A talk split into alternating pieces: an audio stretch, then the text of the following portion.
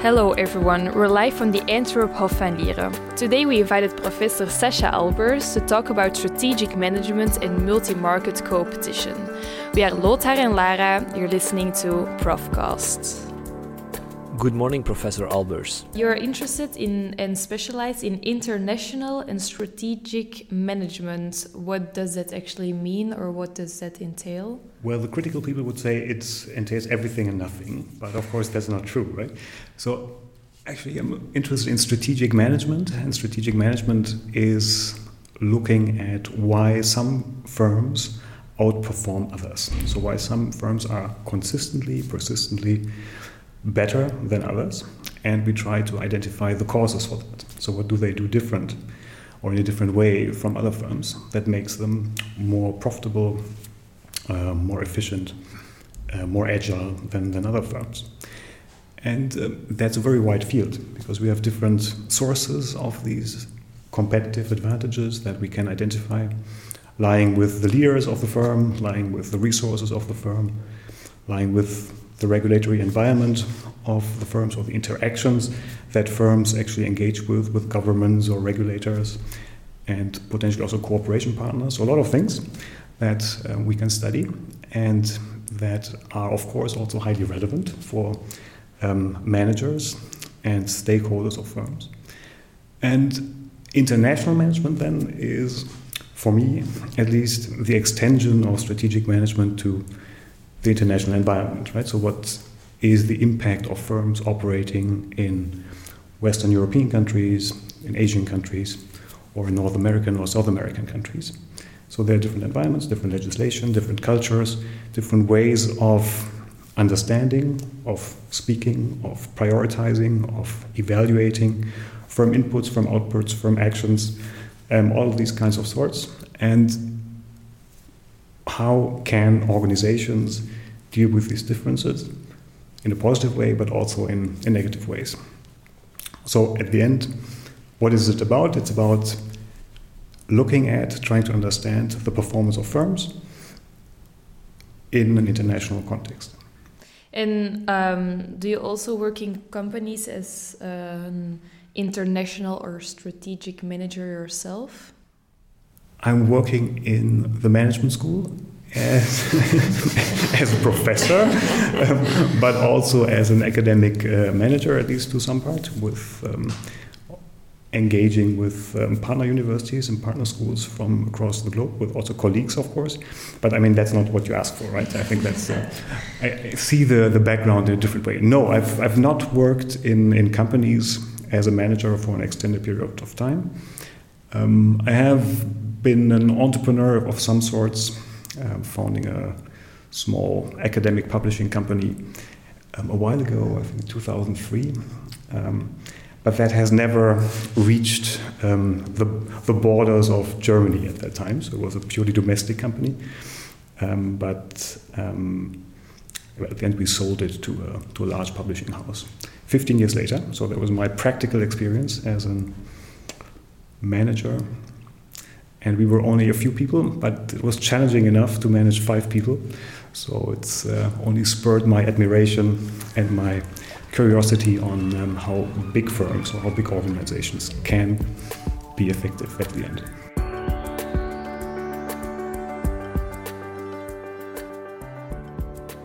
Sascha Albers is doing research about the role of airports in transition towards climate neutral aviation. So, transport using airplanes is rather polluting. We asked him what solutions he sees for this problem. Well, there are a couple of potential answers to that question, right? Um, so, first of all, the, the, project that you're referring to is has just started um, on lower pollution options, technologies um, for for airports, which is actually also a focus that is a little bit on the side, or was at the at the sidelines for a long time because everybody was focusing on airlines and aircraft as the main polluting source. But of course, a lot can also be done on the ground, right? Um, also with aircraft on the ground, but um, that's what makes the the project a little bit standing out, or apparently um, eligible for receiving some funds, some funding from the European Commission. Um, but then if we talk about reduction of pollution of air transport, then yes, of course, um, the first pointer is towards airlines and towards aircraft. And then we have a couple of options. The first, and I think the option or the, the dimension or the, the solutions that spring to mind um, very early is always the technology of the aircraft, right? So you say, well, there's kerosene powered aircraft, and now what can we do in order to reduce the kerosene consumption of these aircraft? Then we have options to um, develop or to improve because they're already out there sustainable aviation fuels, right? They say it's not fuel, I mean, not fossil fuel based, but based on uh, sustainable sources, biomass, and all these things, which are much more environmentally friendly. Um, or other options, there's electric, thinking about electric um, aircraft propulsion, there's discussion on hydrogen aircraft powered, hydrogen powered aircraft. These elements, so different types of fuels on how to propel and bring aircraft to the speed that they need. The second thing on the technological side is always related to reducing the consumption of fuel. I mean, you can also still burn kerosene, but if you reduce the consumption of kerosene per flight, then of course that's also already an improvement. A lot has been done on that already, so that's more about fuel efficiency. And people are thinking about further reducing that, less uh, metal, lighter material, both in the let's say in the, in the fuselage, but also with regards to the turbines. The design of aircraft is being questioned, for example, with smaller tail fins, right, to reduce a couple of um, um, resistance. So that's all technology. But the other part you also have is, of course, on behavior of people, right? So if there's less demand for air transport, then there will also be less flights.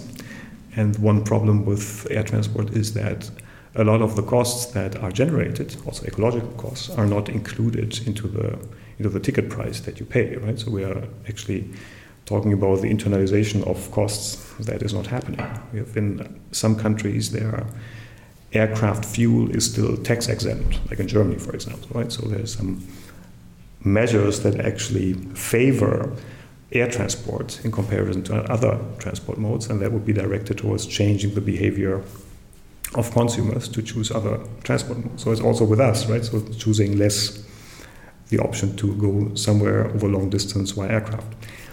I mean, I'm a little bit problematic for me to talk about it because I like flying, I like aircraft, but at the end, that's um, something that we have to consider um, if we want to stop, reduce um, pollution coming from aircraft. And a lot of political measures are going into the direction, like carbon tax, um, the EU emission trading system. These all have been very, I would say, early and wise measures. We talk about um, the um, EU emission trading system um, to increase the costs for the um, for emitting uh, CO2, but at the end they were not particularly effective.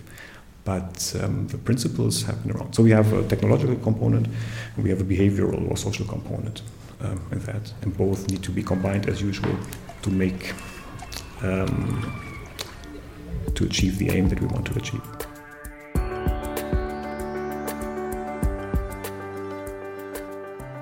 Do you have a favorite airline company yourself?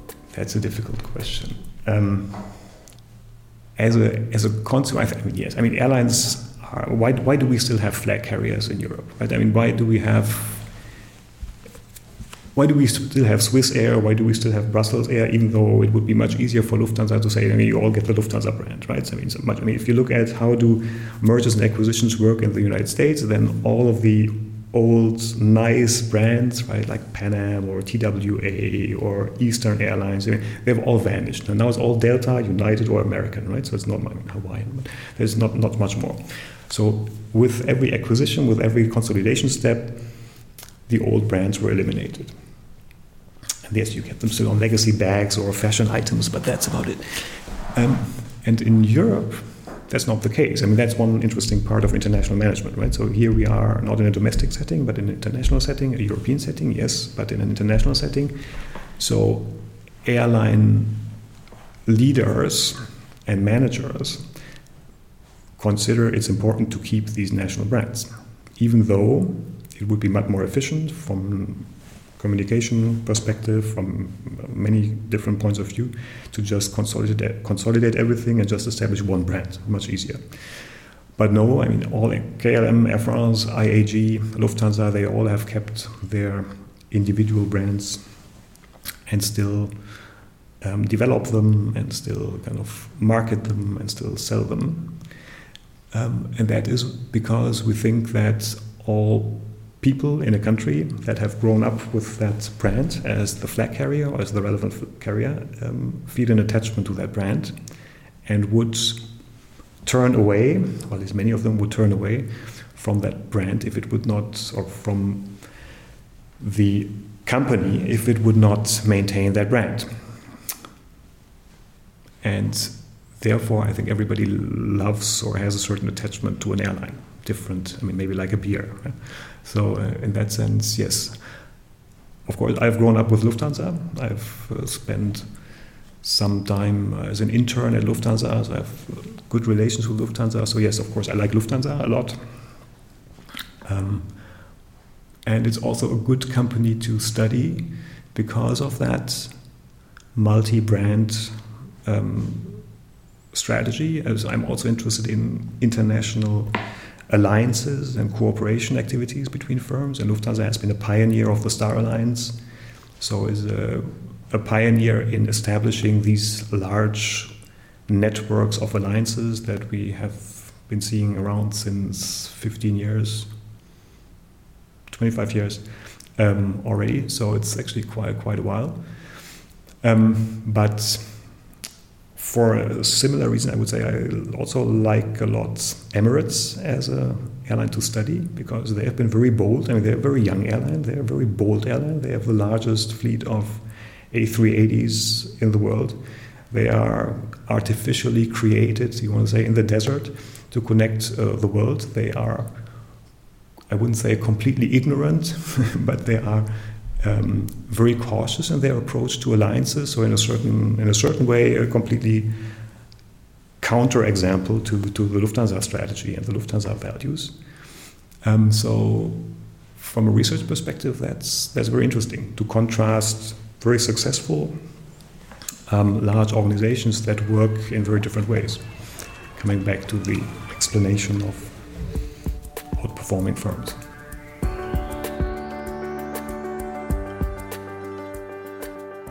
So during this period of like the war in Ukraine and COVID, I think that strategic management is very important. So do you see some strategic decisions that managers are making right now very typical for this era? I mean, this is an interesting, and from a researcher, you can always say that challenging um, periods are always very interesting periods. And this period from, let's say, Trump, pandemic, extension of the pandemic, and then um, the, the war, the Ukrainian war, is been, you might say, a very interesting uh, period, especially from an international management perspective, because we have all these. I mean, the, the philosophy of globalization, integration of um, economies, integration of markets, and ever tighter um, integration of economies, closer links, um, higher interdependencies, more efficient um, sourcing, more efficient access to markets, all these things have been questions with that series of steps, right? Because I mean, the return of protectionism comes from, I mean, it's associated with um, with the Trump administration, has been around a little bit before. Um, then Brexit, I forgot Brexit, right? Then you have the pandemic with the lockdowns, and suddenly you know nobody was flying, but also not transporting, or you the lockdown of factories, the disruption of supply chains. And then you have that extension with the war in Ukraine, which is even more extreme on a certain level. And from an economic point of view, you have, as a consequence of that, you have the isolation of Russia. And that is a series of shocks that I mean, companies have to navigate and have, have to deal with. And then we've seen that there are always winners and losers of these situations, right? So Amazon was very happy with the pandemic, Netflix as well. Um, so they had a wonderful time. Um, and now that will be the same for, for let's say, the, the, the war or the Russian isolation. And that was also true for the, uh, for the protectionist period there. But if we look at um, consequences and strategic management relevant decisions there, then you say, well, the first challenge is, and that has been developing through all of these crises, is that you don't want to have interruptions of your supplies or of your distribution, right? Because I mean, that's the big problem. Suddenly markets are closed. Suddenly you cannot, you don't get all the equipment that you get. You cannot satisfy the customers. You have to wait for your cars for another year, or you cannot do anything. So that requires a reorientation on of supplier selection, of uh, location, of, of activities of the firm, of the modes of operating or dealing with markets and with suppliers. So that's a big thing on creating actually resilient value chains. And the second thing is uh, let's say, you might say, uh, an ethical, political problem that comes especially via the Russian crisis, because suddenly it has not, it is not acceptable anymore to do business in Russia or with Russia, right? So you've seen a lot of firms that exit the Russian market, which for some firms was a very large, a very important market, and you have those firms that say we don't want to leave Russia are suddenly feeling a lot of pressure in they need to leave the Russian market. And that's, of course, for from a strategic point of view, it's very difficult to say, well, should we actually leave that market? Because if we stay, we have a reputation problem. We might face legal actions if somebody comes up with, you know, um, legislation that penalizes um, firms that interact with Russia but we might also alienate our existing customer base. So they start boycotting us. So I mean, we have a, a threat to lose customers here. But at the same time, if we leave Russia, then I mean we leave Russia. Then I mean it's the market is is lost, and it will be difficult to get back. So that's why you have also these intermediate solutions where you just say, well, we we just stop doing advertisements or you know doing some activities, but we still keep something in Russia. So there's something in, you know meddling through, right? navigating through that um, different sets of expectations that you have to deal with.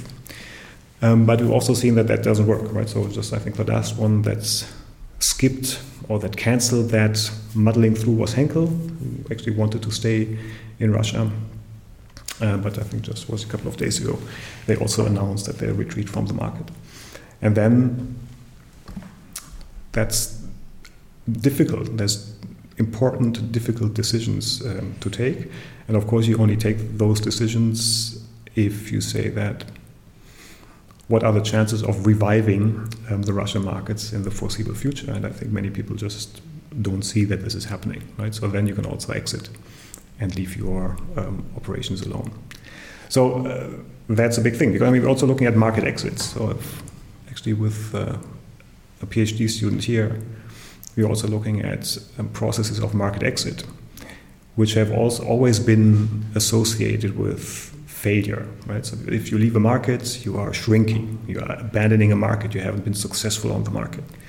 So companies don't like to talk about failures, they don't like to talk about market exits. But still, I mean, there are some situations in which market exit might be actually beneficial because it saves the rest of your company, because it's probably just a legacy market that you don't earn money on anymore, or because of whatever reasons, right? And um, so, in that sense, that Russia case is providing many new cases for market exits even though, of course, the, the motivation to leave the market is a completely different one, right? It's not, it's not a legacy market, but it's a political pressure or even if you want an ethical behavior kind of driven market exit.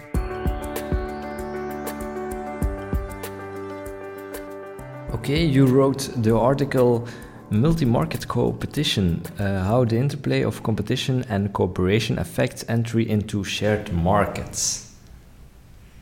What was that article about? cool title, Please isn't it? tell us. Yeah, yeah, of course. Um, we didn't read it, so you didn't read it. You should read it. No, um, no. The basis of that article is multi-market competition or multi-point contact, and that is an observation that many firms meet each other in several markets. Right. So if you look at um, General Motors and Volkswagen, right? Then they meet each other not only in Belgium and in Germany and in the Netherlands, but also in many other geographical markets. So probably most of the markets, most of the countries around the world, and also in different product markets, which means that they sell different products. So they sell trucks and vans and cars and sports cars and whatever. So different product categories, right? And that is different to the situation than if you only have specialized uh, firms that only sell one type of beer in one type of market. I mean, then their whole their interaction, the competition that they have, is concentrated on that particular market, right? So they compete for the same set of customers. They use all the marketing instruments that are there, price, whatever, and then that's a juggling.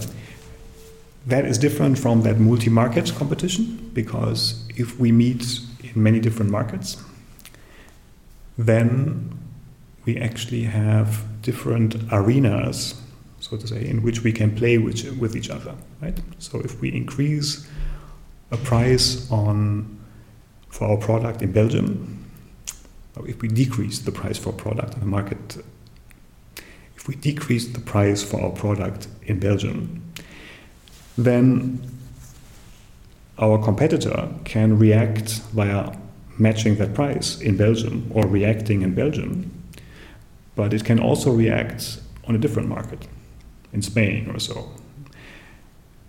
Which means that, or not only in Spain, but in many different markets, right? So a, a, a certain competitive move, like a price reduction, in one market can lead to a reaction A in other markets and B in many different markets.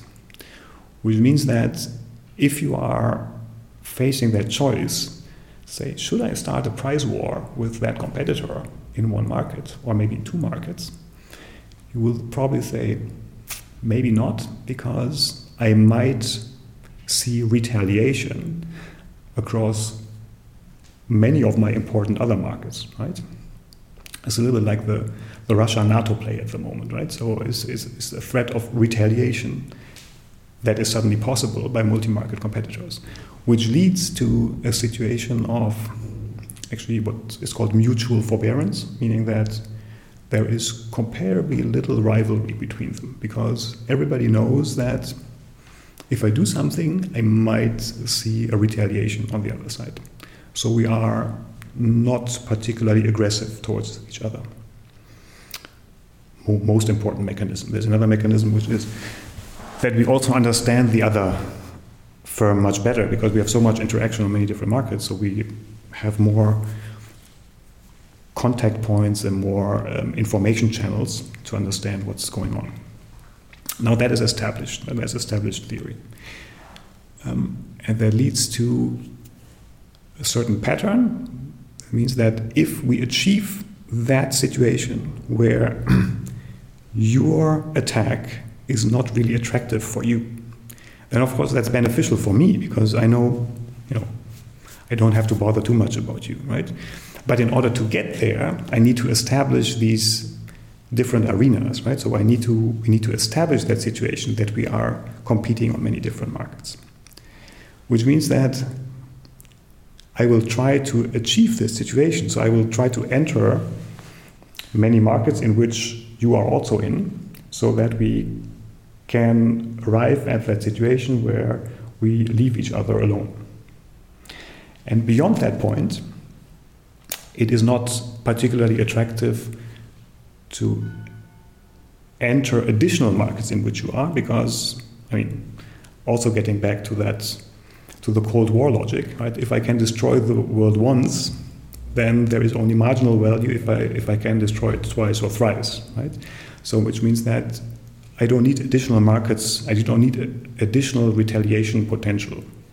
So, in, the, in theory, there is an optimal point of multi market contact where I achieve that. You leave me alone, I leave you alone, we are fine, right?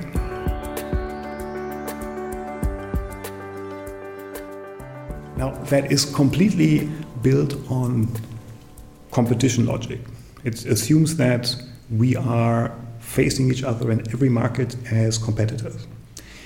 We see that GM and Volkswagen and Nestle and Coca Cola and Coca Cola and Pepsi, like all these large from GE and Siemens, whatever, which are these multi market competitors, they also have selected cooperation agreements, right? So they are not competitors in every market.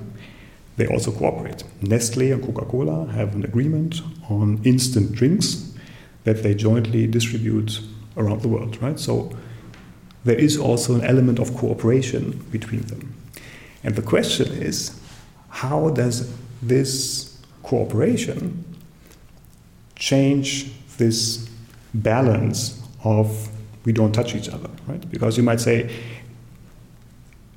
of course, it will only strengthen that because, in addition to that, you leave me alone, I leave you alone, we now also have a formal cooperative agreement. We have a formal contract that says we cooperate, we work together, which means that, of course, that only strengthens our non activity towards each other, right? or non aggressiveness towards each other.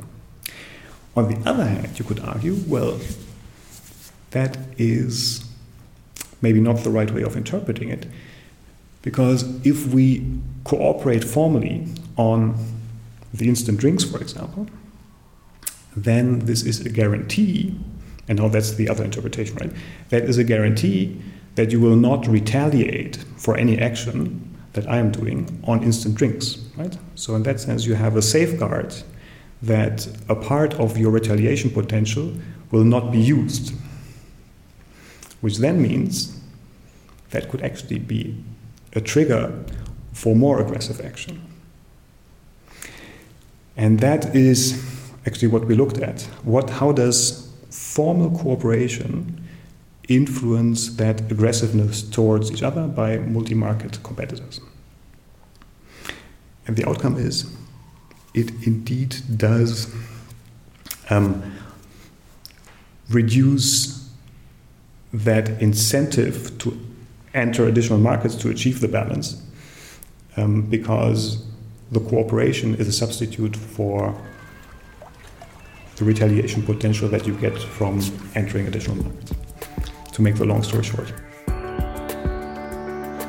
This was Profcast with Sascha Albers. Thank you for listening.